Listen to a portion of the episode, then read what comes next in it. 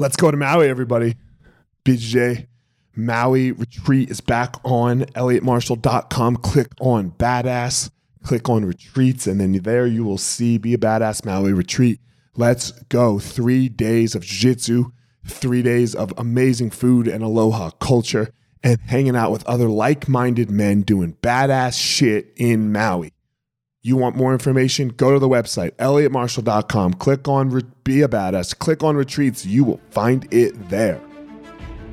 What's up, guys? This is former UFC fighter Elliot Marshall, and you are listening to The Blueprint. I believe that there's a blueprint of how the most successful people structure their lives. They don't all do it the same, they don't all do the same things. And on this podcast, you're going to hear inspirations, motivations, and stories about how they go through their life. These stories will give you clues and tricks of exactly how you can discover your passion, find your power, and then go give your purpose to the world. Thank you so much for listening. Let's jump into this week's episode.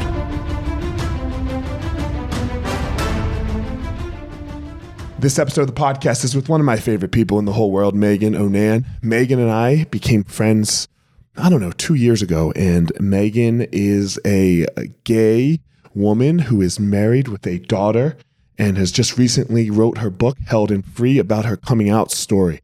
And we go through a little bit of this story on the podcast. You will hear the ups and downs, the struggles, the spiritual struggles, the personal struggles. Um, it's a really great story. I love Meagan. So here we go Meagan O'Nan.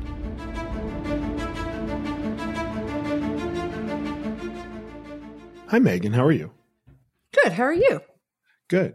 I haven't done an, uh, a podcast with somebody that I know where like I don't have to do this whole pre-talk thing uh, on the front end for a while. We've done a lot of pre-talk.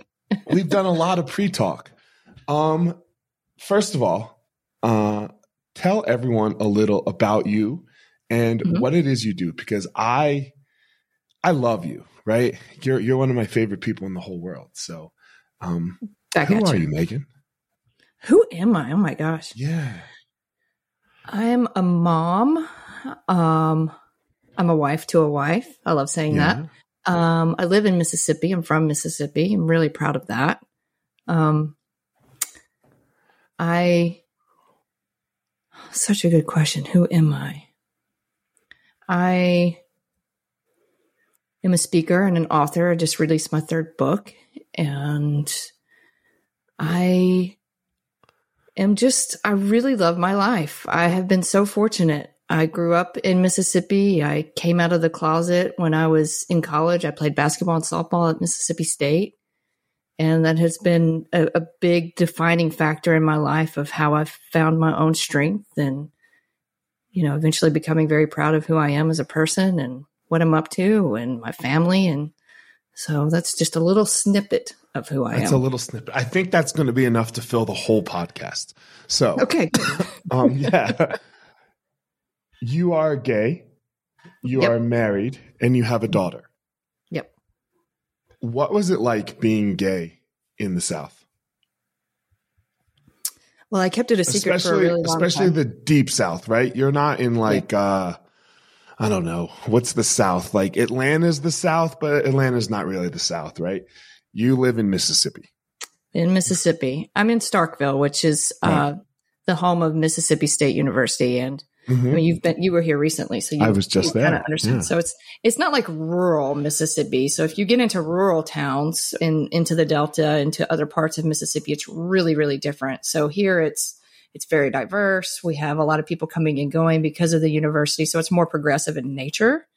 But mm-hmm. 20 years ago, when I came out of the closet, right. that was it's kind of like the old Mississippi, um, where people just weren't accepting. It was it it was you know, I, I stayed in the closet for a really long time on purpose because I was absolutely terrified of how I was going to be responded to. And totally legit, I was outed by my ex boyfriend, which was okay. uncomfortable. And then my. Um, I, I want to talk about this for a second. So, okay. when did you know you were gay?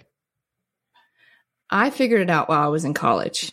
Looking back, okay. I can see that I knew, but I didn't have anybody in my life to help me really know if that makes sense. So it was kind okay. of like this unraveling of uh, self understanding and self awareness as I was exposed to people who were gay. Okay. So you like when you were in high school, you had boyfriends and, and stuff like that, or no? Okay. I had boyfriends all the time, but really looking back, it was really I just wanted somebody to play basketball with. Okay. Now were you uh this might be personal and you can tell That's me if you don't want to answer. Were, were yeah. you physically intimate in any way with your boyfriends? Physically, yeah, but not um but I was it was very uncomfortable for me. I okay. I it never felt quite right. And I I didn't have sex with a man until much later, um, but not in high school or college. So it I just never wanted to. I just had no desire whatsoever. It just was not okay. on my radar. I, I, remember sitting down with my mom at some point and she's like, I had this really serious boyfriend and she's like, Meagan, we need to talk about sex. I'm like, no, we really don't, mom. I'm really not interested. I'm like a senior in high school. I'm like, you really don't have anything to worry about. She's like, but we need to talk about it. I'm like, no, we really don't. So and uh, I, I, you and I have never talked about this before, and I've always been very interested about what the the younger gay experience is like. And uh, you're my, I think I've told you this. You're my first like really, really close gay friend, where I feel yeah. like I could ask any question to. So uh, these are things that I've always just like wondered about people about about gay people, like because I like you know we as a heterosexual, I've like yeah, as soon as I knew what it was for, I was like, I want to use it. Let's go. you know? so um I just didn't know no girls liked me. That that was my problem. So um but okay, so you are having relationships with boys. Um uh-huh. what was it what do you think it was like from their perspective because you were so uninterested in that way? Oh, I'm sure it was really hard for them. Okay. I mean, I, I think that's why a lot of relationships ended.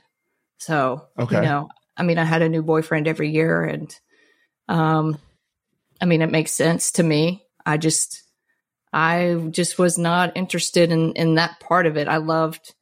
I have a, always had a ton of guy friends, so I relate to mm-hmm. guys, and I grew up with brothers, so I relate to guys in in more ways than girls. I think so. Right. It was easier friendship for me, so it made sense that that's I wanted a close friendship with with the guy, but you know, obviously they wanted more. So would you ever say you loved these guys? Oh, I loved who they were. Yeah, I don't think I was in love.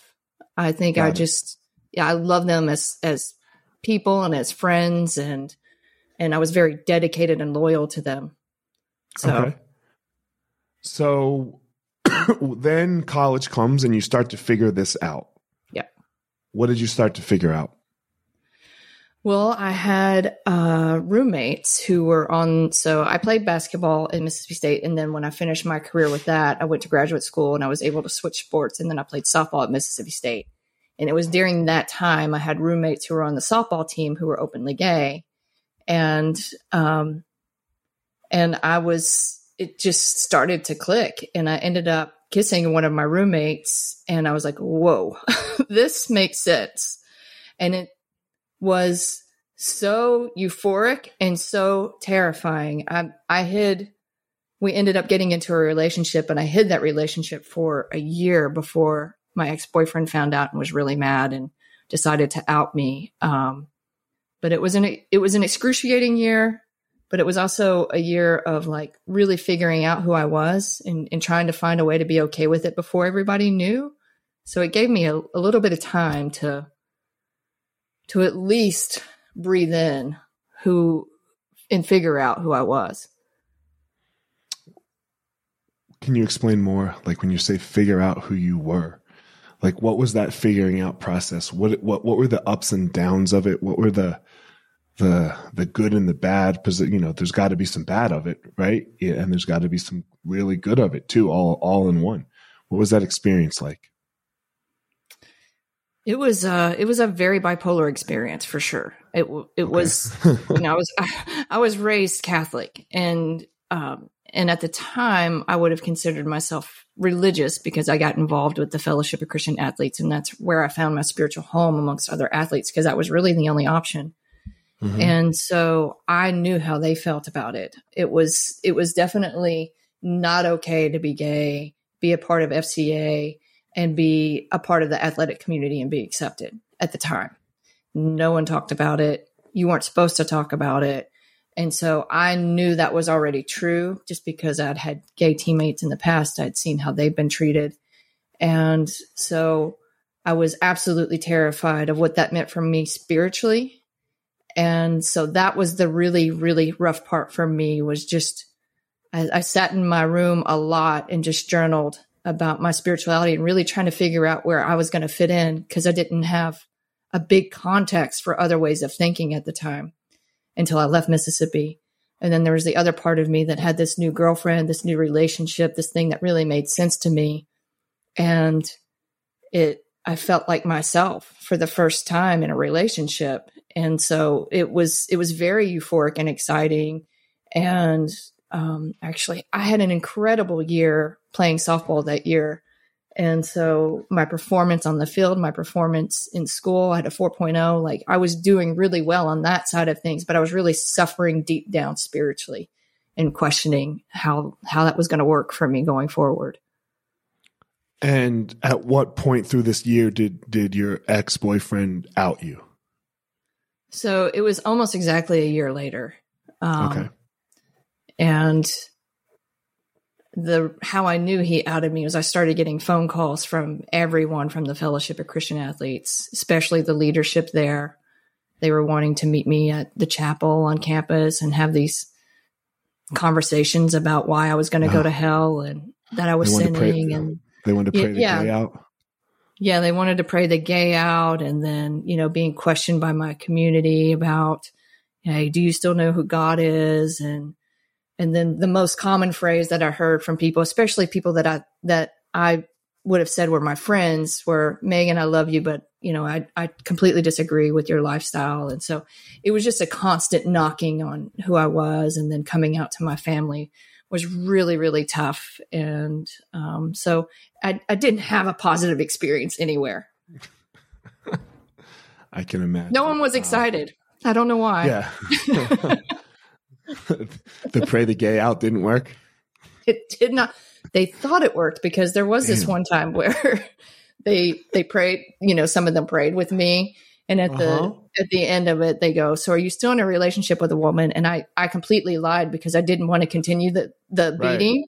And I said no. And then it was like, oh, they were so relieved, and they gave me this big hug, and they moved on. And then, you know, so I I gave them like, great, okay, I'm going to go back to my girlfriend now.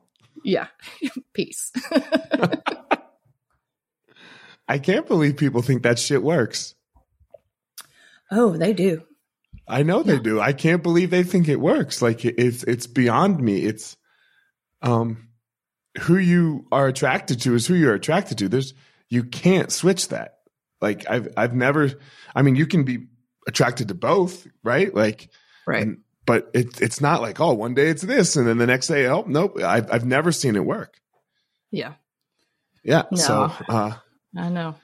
Yeah, it's it's a very interesting idea. What was it like when you came out to your parents? Oh, my mom just cried and cried and cried and cried and cried. She was in total was disbelief. She was not mad. She was terrified. I mean, she just looked totally scared, speechless. I told her first um, because her and I were close. I was always very close to my mom, and and still am. But yeah, that was a really rough moment for her and I because I, being vulnerable, I knew I needed to tell them because people were finding out and I didn't want them to find out from other people. Small town, small community. It, word was going to travel pretty quickly. How, so. how long? Do, how long was it? You know, between this, like your boyfriend doing it, You're with this, you know, the leaders of the Christian athletes are coming to you, and and then you have to tell your parents. What was that timeline like?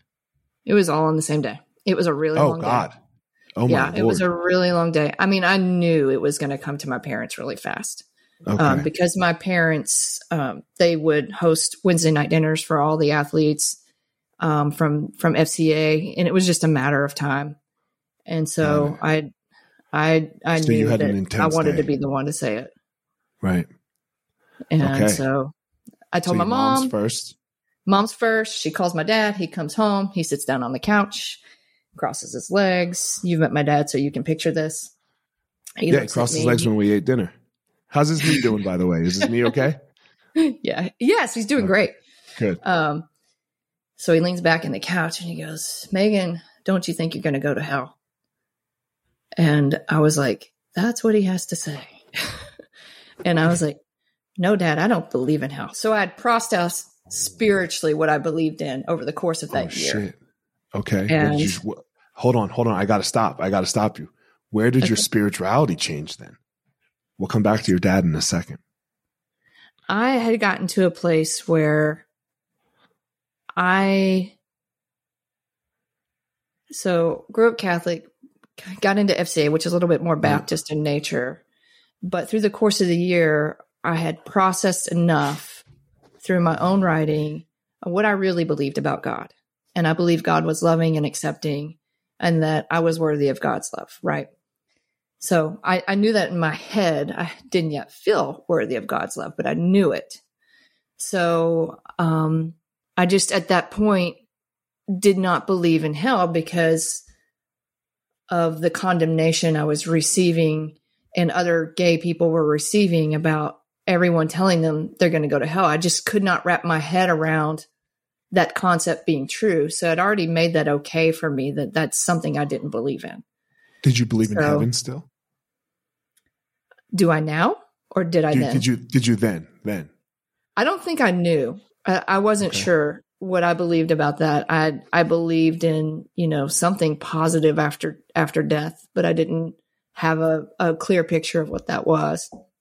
But not the tra- you you are not believing in this traditional heaven where we go like no. like the religions tell us. Okay. Everything was shifting for me. Okay, and that was so just based. This- I hadn't read any special books or that was just based on my own processing. Got it. No counseling, no nothing. So your dad sits down, Meagan. Aren't you, don't aren't you scared of going to hell? And your yep. response? I don't believe in hell. Okay. And that he probably didn't really a little bit well shocked. Either. Yeah. so so you so he's got a gay daughter that has disowned uh, all of the teachings that he's raised you in, almost. Yes. Yeah. Okay. Yeah, and I was now, I, I questioned Catholicism growing up. I questioned like why can't women be priests and why do we have to ask for forgiveness from a from a priest? Like why can't I just go to God directly? And so I was always questioning things growing up. I was that kid, but they never had answers. It was always like that's just the way it is. Mm-hmm. They still don't have answers. Um. So, uh, sorry.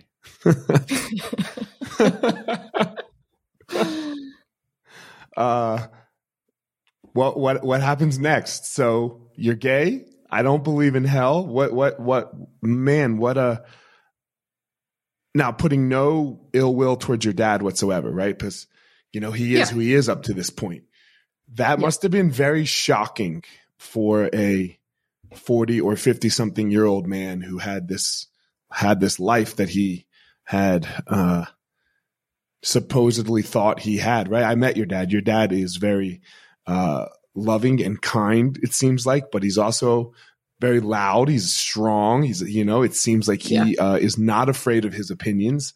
No. Uh, yeah. So, um, no. uh, so what, what, what was the next, I don't know, 10 minutes like? He was actually very quiet after that. And okay. then my, my brothers rolled in after that. And my older brother, um, he's not a big hugger. He's kind of like, you know, sort of get close and pat you on the shoulder. Okay. And he, his response was, well, you should, you should probably think about leaving Mississippi. You'll be safer somewhere else. I mean, that's exactly what he said. And that was really, really hard for me to hear. Um, especially coming from my older brother when, you know, did, growing up, he, he was like a third parent. Did, did he say it in anger or did he say it in, in concern? I think it, was. Con- I think it was concern. I think he was okay. really scared for me and knew it was going to be a lot for everybody to deal with. Okay. And and then my younger brother, I had actually told him before all of this happened because he and I were very very close at the time. and he was dating one of my best friends. So I told him before this, so he already knew, but had kept it a, a total secret. And so he came in, and he just gave me a hug, and there was, you know, he was he was kind of like my comfort because Mhm, um, he was mhm. very accepting. He was shocked when I told him, but he was he was very accepting and loving. Um, so I think Yeah, if you don't was- know, it's kind of shocking. Maybe like we have a neighbor next door who's gay. uh huh. Uh, he's a teenage boy, and before there was any like, uh, you know, before anybody is is sexual whatsoever, his mom used to be like, uh, uh, "If we die and and you guys take him, please just love my gay son." Right? You know, so we have known that this boy was gay since uh, since the beginning, right? But it seems like that's not how it was for you, right? So I can imagine this is just so shocking for Absolutely. for everyone, right? Like for- Absolutely. it's Yeah. such a shocking experience and people say dumb shit sometimes in shocking experiences right they don't know what to say right. you know especially those who love you uh, Yeah. because of fear and uncertainty. How did you handle all of this? Because uh, you're afraid you're uncertain you're you're you're vulnerable and and i don't want to say broken but broken emotionally maybe because of all of the experiences that are happening. How Yeah, did you handle all of this? Yeah how did you handle all of this vomit that might have been coming your way? I mean, they say vulnerability hangover is a thing. I think that was definitely true for me. At the time, I felt very exposed and I felt very raw. And I didn't really have anybody to just lean on because everybody else was having their process too. So it wasn't like I could just go to my mom and say and cry on her shoulder because she was struggling with how she was feeling. And and the same was true for for my dad. I, uh, they ended up going to therapy. I ended up getting into therapy, which was really awesome for me. I would sit on the therapist couch and basically cry for an hour. And so I was beginning to really process the truth of everything and how I had been treated and how people were responding to me. And just dealing with all of it was so much and your words were perfect. I think at the time especially that year that before i left mississippi after i came out is i i felt totally broken and and uncertain about my future. And and like a I felt like I stuck out like a sore thumb and that I didn't fit in anywhere and so I just felt very alone during that year before I left. and then you left did you And then I when left. you left were you on good terms or bad terms with your family we were on decent terms. I mean, I I think everybody did the best they could do, you know, at that Okay. point. And we were all trying and everyone was making an effort, especially my parents. They were they were really trying hard to work through it. And my dad actually worked through it a lot faster than my mom. He Okay. uh he came around a lot. I I ended up talking to him more and we ended up getting closer while my mom was was working through her process because she pictured grandkids and she pictured me marrying a man and she her dream for herself was to be a mom and a grandmother for her life and so i at the time crushed her dreams because she didn't realize that that could still be possible for me Right. um, so it was really hard for her where'd you go when you left i went to uh, florida state in tallahassee and Okay. i decided to get a second graduate degree because i didn't know what i wanted to do with my life and um, i ended up uh, playing rugby that year breaking many bones um, but I was able to be myself from the get go there, which was really freeing. And I started reading a lot of different books, spiritual books, different ways of thinking. And so it was nice to be outside of Mississippi where I could explore other ways of doing and thinking and other perspectives and also begin my journey in a new place, being who I am and not having to, you know, like come out later. so that was very freeing, but also a very challenging year of trying to figure out like who I was. did you have in a lot of ways. relationships when you were there I dated. Um, I didn't have anything serious, um, Okay. but I did date. Yeah, and then so you said you stayed there for a year and then what stayed there for a year. I finished my degree, and then I uh, got a job in Miami at um, the Miami Lighthouse for the Blind, and okay Um, I worked there for a year. I ended up dating one of my professors from Florida State, and she moved down to Miami with me. so, Okay. uh, we ended up uh, in Miami for a year, and then she got a job at UNC Northern Colorado in Greeley, and uh, we I ended up following her and working for the state of Colorado. Um, and then Did you live in Fort, Greeley? Fort Collins for three years. okay. So Fort Collins, good, better. Greeley, not so much as far as uh, openness, maybe. Um, would you say what what what was Colorado like for you? Did you find really find yourself here? Like step into who you were? Uh, what what was that experience like?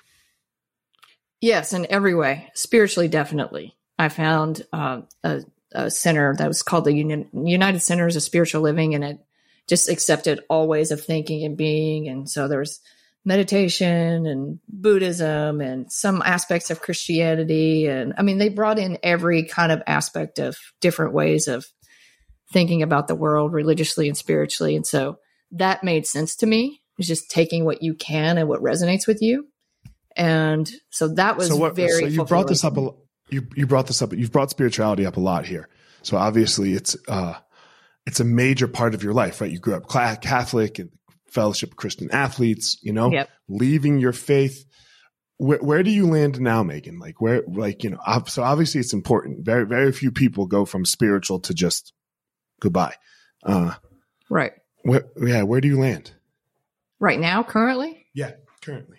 I don't really know. I, I, you know, I just, me me either you know, and I'm okay with that. I think it's taken me a long time to be okay with it because, you know, as human beings, we like to just label, label, label, label, label Mhm. everything. And, and I just am at this point where it's just like, you know, I really don't know. I know I love who I am. I know that I believe in something bigger than myself and I trust that. And I feel very held by that and supported by that, whatever it is. And that's okay. I don't have to call it anything. I just need to stay connected to to my heart and who I am and do what I feel is right every day. So that's that's where I'm at. I don't I can't I have a name for it. i have a name What? for this Let me hear it's this. called possibilianism what? Is this an Yeah, but- actual word or did you make it yeah, up? it's called. Uh, I heard it once. Um, possibilian possibilianism is this: I love it. everything is possible, minus the bullshit that we've already been told. Mm. I love that. Yeah, like I don't. Yeah, so yes, it's like, and and I believe something. I agree with you. There's something. He it it uh holds me in a way. I don't know what it is. I don't know if it like cares about me or like it's not gonna like I'm not gonna be able to pray away cancer. Like it's Right. not gonna do any of that, right? Like there's no like Right. uh it's not gonna if I pray hard enough, it's not gonna heal some, you know, no, you know, like Right. that is that that is not what I say when it cares about me. Um, Yeah. But it holds you in a way Yeah. and it's bigger than you and you don't know quite how to explain it. Right. It's possible, Yes. but there's no man in the sky. Right. Yeah. Yeah. I like to explain it too. I, and I put this in in my book is like I remember having what I told you earlier is questions as a kid about Yeah. about the bigness and the vastness of whatever, you know, the universe and whatever it is. hmm And going to my mom in the middle of the night and, and saying, Mom, like what happens after time ends? Like what did I was I was almost going into that vast black hole of feeling like, what is that like? and I was probably seven or eight at the time, and she didn't know how to answer me. It's like I don't Sure. know, but what she did do is she held me right, and and she held me until the fear passed, and that's how I kind of picture what my spirituality is: is just letting myself be held and letting Mm. myself go into whatever that vastness is when I need to, but also that knowing that I'll come out and and that I that I am held in that in some way. And so that's she gave me context without knowing it until later in life of of what I really think and believe is true. And now you're married to a woman who was Mhm. married to a man and has children outside of your relation, outside of y'all's relationship, right? Yeah. Yeah. What was that process like for you? And what was that kind of like for her to, uh, and are you her first gay relationship? I am. yeah. yeah. So what was that like for her? What was that like for the two of you? it was terrifying because she's 15 years older than me. That scared Right. me to death because I was 26, 27. She's like 40 something. I'm like, oh my God, Right. this a 40 year old. Um, so that scared me, but I You like, you like cougars, huh, Meagan? apparently. Yeah. And she had a, you know, at the time, an 18 year old. And I'm like, God, I'm closer to her daughter in age than to her. right. so, This is you a know, lot. an This is a unruly lot 18 for year everyone. old. Yeah. Yeah. Sure. I can't deal with this. Uh, but I mean, we resonated so much in the way we saw the world that it was just, we were such an easy fit because when it, we're so different, our personalities are opposite. But when it comes down to the things that mean something to us, we see, we see them the same way. And so Mhm. it's easy to make decisions together. And and I saw that right away and and she loved me in a way that I hadn't been loved before because she just saw saw me for me and accepted it and I felt that it was a very deep experience and I kept wanting to push her away. I mean, it's we dated off and on for you know almost a year before I was like, okay, I'm ready. And so I almost pushed her How did she know she was gay, or how did she know she wanted to enter into a gay relationship after 40 years of not being gay?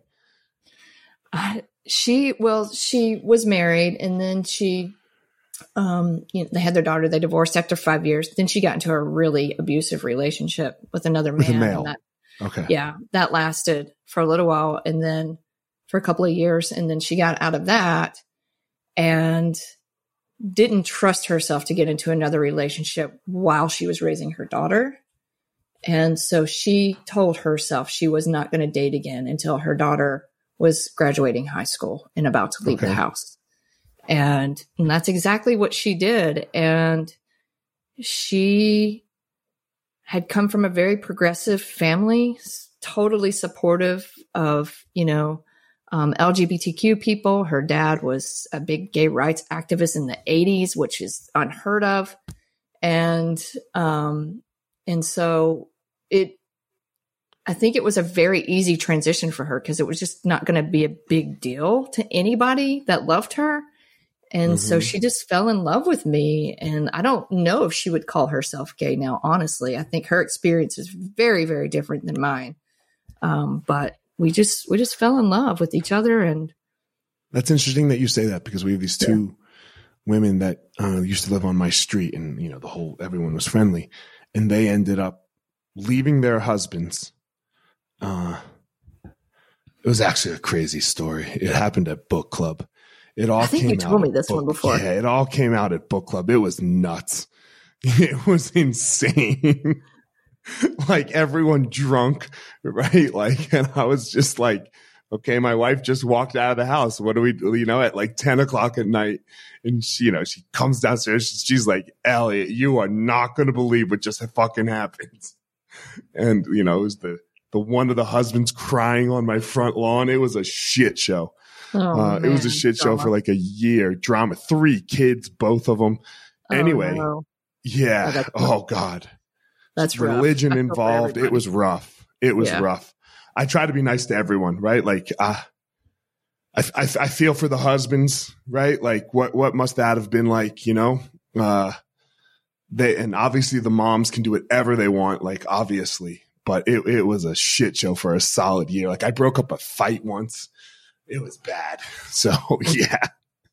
Like, one of the husbands was coming, like, everyone was sitting in the cul de sac because we lived down this end of the street and he was just on a walk.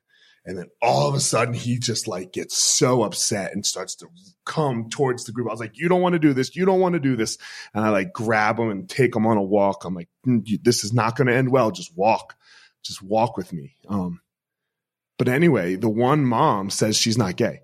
She's like, I love her. I'm not gay. Yeah. And that's interesting. It's interesting that Claire feels it, would- you, you don't know what Claire would say.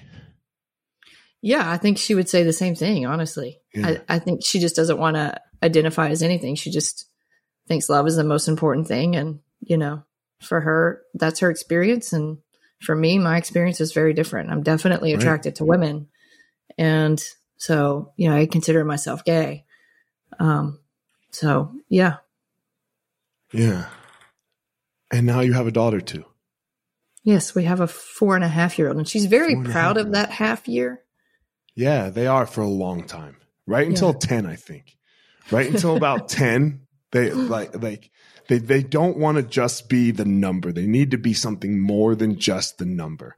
So um, they're, they're you know, the Kanan lost it at 10 and Simon's about to be 10, so he's losing it at, right around now. You know, he's like, "Ah, I'm going to be 10 in a month. Um,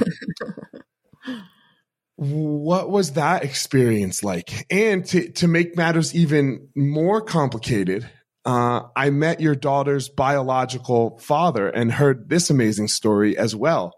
yeah, Um, yeah. So what? And he was great. His husband is great. What? What? What a crazy little family that is just so amazing that you all have. I know it's beyond what I ever ever expected because Mm-hmm. I knew that I wanted to have a child. Like it was Okay. a part of me that was like, this is going to happen in my life. And Was adopting ever a thought? do what? Adopting was that ever a thought? Adopting. Yeah, we talked about it Okay. because, okay. but adopting in Mississippi is practically impossible for a gay couple. And Okay. that's a legal battle and an expensive battle and one we just did not want to take. I don't think my Mhm. heart could handle that. And then we considered fostering and they will allow you to foster, but they won't allow you to adopt. Isn't that strange? Um, so, um, but I thought fostering might be really hard for me because I had a hard time like fostering dogs and like giving them up. So I can't imagine a Mm, child if mm. I had to like actually love it and then give it back. I didn't think I could handle that. Um, so we actually started with the sperm bank in 2015, right after we got married in 2014. And um, we're unsuccessful. And then as we talked more, we thought, well, it'd be really great if we knew the donor and that our child could know the donor and choose to have a relationship with the donor if they want to, so they understand where they come from. And so Mhm. that became kind of the driving factor of looking for someone that we knew and had a good friendship or relationship with that that was willing to do it and and especially someone who didn't necessarily want kids and um, we had become friends with josh over the years and we just had such a fun friendship and it was no drama and easy and and we we had asked another friend and he decided he didn't want to do it, It- but then we thought of josh and we had a conversation which is completely understandable. Correct. Yeah. Huh? Which is completely understandable. Yeah, totally. Yeah, Totally understandable.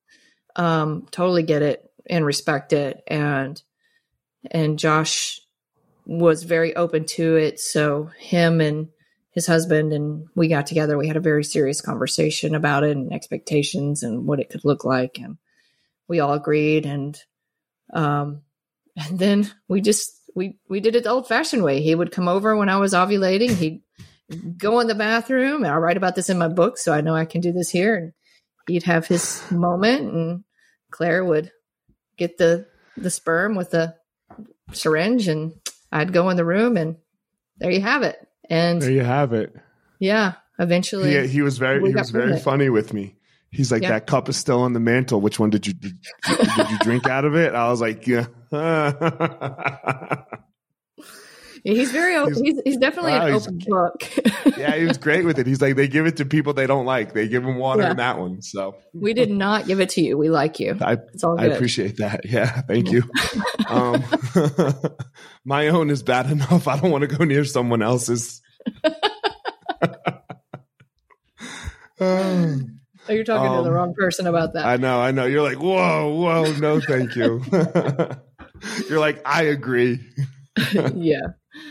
But no, we Um, got pregnant fairly quickly. I mean, we were very fortunate and um and Josh was really great about it. He even quit drinking coffee and all kinds of other stuff Oh, wow. and um very dedicated to it and then after we got pregnant then it became very real. I think it got a little hard for him there for a while just like processing what was happening. It, I think it got hard for all of us, so, but we were able to communicate through it.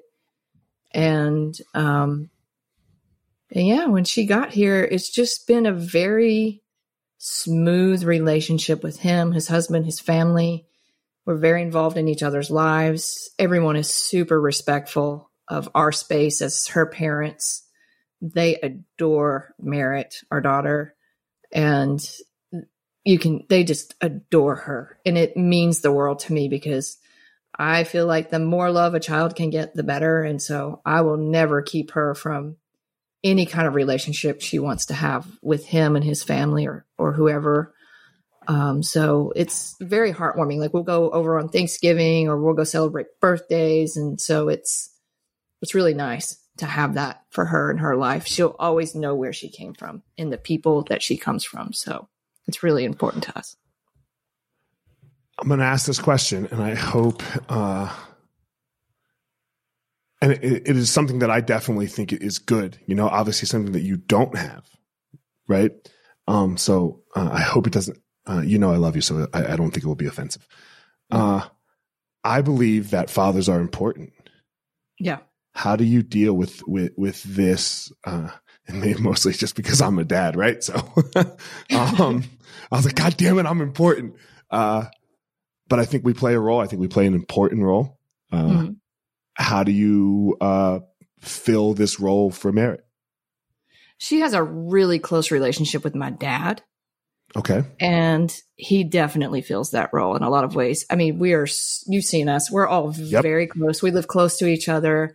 She's, mm-hmm. I mean, she adores him, he adores her. And so they're super close. And then um, my older brother's very involved and he's there for her and he adores her. And, you know, as she grows up, and she wants to call Josh dad or whatever, however she wants that to look and she needs him, he will be there for her and she can have that. She can have it as much mm. as she wants as soon as she can understand what that means. Right. What that means. So, for sure. you know, she's got I I agree. I mean, it's important for her to to have different parent parental figures and grandparents and so I want her to have all of it.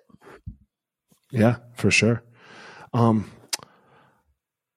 you have a book out, Held and Free. Yes. What was it like writing writing this book for you? It was uh, it was really hard. Um, it's it's the nitty gritty of my story. It's a memoir, and it's extremely vulnerable. It was really hard to write. Uh, it took me two years to get through the process.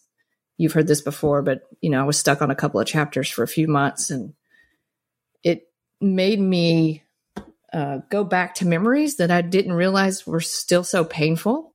And so I had to work through those to get through it and to pull out the details for the book. Um, but just the process of writing a continuous story, it's something that I hadn't done before such length and in such depth. And so it was, it was a challenge all the way around, but I'm really, really proud of the product now. I, I feel very confident in, in how it's how it got finished and how it was written and so it's it's nice that I'm no longer writing it. That's how I can remember feeling that way about about my book. I was like, this fucking sucks. Yeah, Thank it's God. tough. Like once I was done, I was like, I hate this thing. Thank God I'm done. um, I always ask people one question that I don't have to ask you, which is like, you know, why do you do the pod? Why would you do the podcast? But you're my friend. So, uh, you, uh, two, another question that I, I always ask is I believe everyone has a unique power about them, a gift in a way, right? That they go out and they give to the world and then the world gives something back in return. What would you say that is for you? Good question. I think for me, it's the ability to cross over between so many different ways of thinking. Like I am so comfortable going into a conservative church or having a conversation with a conservative Republican who sees the world totally different than I do. Like I'm okay with those connections being meaningful, even though we may see the world totally different. And I've always felt that way as a young kid. It's just something I've been very passionate about is just like bridging the gap between our differences and mm-hmm. playing a part in that. So that's the common theme through everything that I do, whether it's writing, speaking, or having a conversation or creating a movement or whatever it is. It's that's the utmost important thing to me that I feel like I can do really well. Thanks for doing it, Meagan. I really appreciate it. You, uh, as you know, uh, as we've, you know, as we started out the podcast with you, I, I, love you. I absolutely adore you. Your family was amazing. Uh, everything about you, I'm, I'm, I'm a, I'm a massive fan. So, uh, thanks for doing okay. it. I appreciate you coming on. Tell everyone where they can get your book, get your stuff, uh, book you for speaking, uh, all the, all, all, all the Meagan O'Nan info. Yeah. So my website, meaganonan.com. It's M E A G A N O N A N.com. Everything is there. Yeah. Easy peasy. Easy peasy. All right. Thanks again, Meagan. I greatly appreciate you. I'm glad we could do this. Uh, Me too. Didn't get to go see so LeBron fun. today. So, but I got to hang out with you. So, hey, um, win-win. Yeah, or win-win. Yeah, I'm still going to see them, right? Yeah, they're playing the. I'll, I'll, still see them. My kids just yeah. won't get to meet them. They don't even know they won't meet them because they're not even going to listen to this podcast. Uh, so, uh, as always, everyone. Uh, first of all, I want to say this before we leave. Uh, before I do my normal outtake, if you are gay or different or in the closet in any way, please know that there's someone there for you. Please know that there are, are people exactly, exactly like you.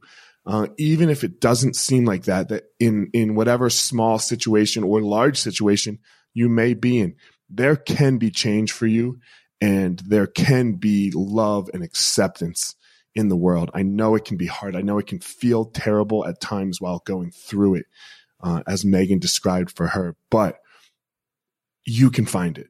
I promise, I promise, I promise. I think Meagan promises as well that you can yeah. find it. So please go find it. It's out there. Amen. Um, yeah. Guys, as always, don't go out in the world and try to be Meagan. She has her unique gift and power that she gives out and gives to the world, and then the world gives so much back. Please don't try to be me. I can be absolutely awful, but I do have my own unique power as well that I go out and give to the world, and it gives so much back. What I plead and want for all of you is to go out there and find your own power. Thank you so much for listening to this week's episode. I hope you found something useful that you can take and implement into your life. Don't forget to head over to wherever you are listening to this podcast and leave a review. That would be greatly appreciated.